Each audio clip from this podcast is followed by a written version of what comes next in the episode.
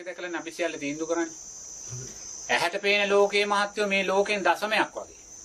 මේ ඇහැට පේන මුළු ලෝකෙම පුංචි දෙයක් ගත්තොත් ඒ වගේ තමයි ඇහැට පේන ලෝකේ නොපෙනෙන ලෝකෙත් එක බෙතුවා. නොපෙනෙන ලෝකය කියන්නේ මාත් ඒක බුදුරජාණන් වහන්සේලාට පේන්නේ උන්වහන්සේලාගේ මේ මේ මේ මේ සරච්ඡා ඥානෙ. ඒ උන්වහන්සේලා දැක්කා වූ ලෝකේ දැකලා තමයි උන්වහන්සේලා ওই ධර්මයේ ඔහොම දේශනා කළා තියෙන්නේ. ඒක බියකරුභාවය දැකලා. ඒ නිසා මේ අපි දකින්නේ බොහොම අල්ප දෙයක්. තේරෙනවද? ඉතින් ඒ නිසා ඒ නොදකින්න භාවය නිසා ඒව වැරදි කරන්නේ. අපිට ඒව දැනුමක් තේරුමක් නැත්තේ ඒකයි. ඒ නිසා ඒවැ දුක් ඒවැ මේ මේ විපාක දැක්කොත් ආයිමත් ඉතින් ඔය වැරදි කරන්නේ නැහැ මහත්තයා. ඒක හාමුදුරුවෝ කෙනෙක් සමන් තමන් සමාජයෙන් ඉදි දකින්න මහත්ව මෙහෙණියක්. මෙහෙණියක් කියන්නේ භික්ෂුණියක්.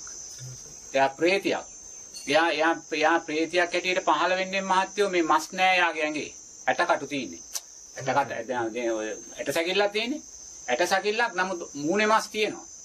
මූණේ මස් තියෙනවා ඇඟේ ඇඟ තන කර ඇට සැකිල්ල. මේ ඇට සැකිල්ල මහත්වෝ ගිනි ගන්නවා. තේරෙනවද? නමුත් මේ ගින්න මහා ලොකු ඇවිලෙන ගින්නක් නෙමෙයි. මොකද මස් තෙල් නැහැනේ. ඇටකටු ගිනි ගන්න. ඇටකටු ගින්න නිසා මේක සාමාන්‍යයෙන් පැතුරුන ගින්නක් හැටියට මේ ගිනි ගන්නවා. නමුත් මහත්ව බෙල්ලෙන් උඩ ගිනි ගන්නෑ. තේරෙනවද? බෙල්ලෙන් උඩ ගිනි ගන්න නැත්තේ ඇයි? එයාගේ අකුසල් විපාක ගෙවන්න එයාට මේ පිච්චෙන එක දැනෙන්න ඕනේ. බෙල්ලෙන් උඩත් අර එකපාරට ගිනි ගත්තොත් එයා එකපාරට මැරෙනවනේ. පෙර ජීවිතෙන් චුත වෙනවා එකපාරට. චුත වෙලා ආයිමත් එහෙමම ඉපදෙනවා. නමුත් ඒක බෙල්ලෙන් උඩ ගිනි ගන්න නැත්තේ මේ පිච්චිලා සම්පූර්ණ වෙනකන් එයා ඒ වේදනාව විඳින්න ඕනේ. තේන්න? ඒ අකුසල විපාක සකස් වෙන හැටි බලන්න. තේන්න? මිතුවේ භික්ෂුණියක්.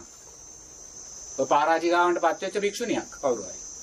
ඉතින් දැන් මේ විපාකයක් දැක්කගෙන එකයිමත් වැරදි කරනවද? ඉතින් මේ විපාකේ දැක්කට දැකපු ගමන් ආයිමත් අපි කියන්නේත් නැහැ කෙනෙකුට මේවා සුදුසු නැත්තම් පැවිදි වෙන්න එපා කියලා. පැවිදි වෙන්න කියලා. මොකද මේවා පුළුවන් නම් විතරක් පැවිදි වෙන්න කියන එකයි කියන්නේ. එතෙක් ගිහි ජීවිතය තුලින් අපිට යන්න පුළුවන් අනාගාමී වෙන දැනට යනකම්. ගිහි ජීවිතය තුලින්. යන්න පුළුවන්. Taman දක්ෂ නම්. ඒ අනාගාමී සකෘදාගාමී වෙන කාරණා අවශ්‍ය නැහැ. සෝවාන් ඵලය කියන දැන්ට ඕන තරම් යන්න පුළුවන්. දැන් විසාකාව අනේ පිරිසුත් ඔය තියෙන උදාහරණ ඕන තරම්. ඒගොල්ල පෞල් පන්සල් වෙලා දුවා දරුවෝ ලොකු මහත් කරලා ව්‍යාපාර කරගෙන ඒ සියල්ලම කරගෙන ඒ කටයුතු කරගත්තා. ඒ නිසා අපිට මේ සංසාරයේ බය කියන දේ හැම වෙලාවෙම දකින්න. සංසාරයේ බය දකින්නවා නම් අපිට ඇහැට කනට දකින්න ඔය ඇහෙන හැම දෙයක් පිළිබඳව හිතන්න දකින්න. කොයි දේ ගැටෙන දෙයක් නම් ඒක බලන්න නැවත නැවත. මේකේ ස්වභාවය මේක කමටහන් කරගන්න. මම මෙතනින් ගැලවෙනවායි කියන තැන හැම වෙලාවෙම හිතන්න.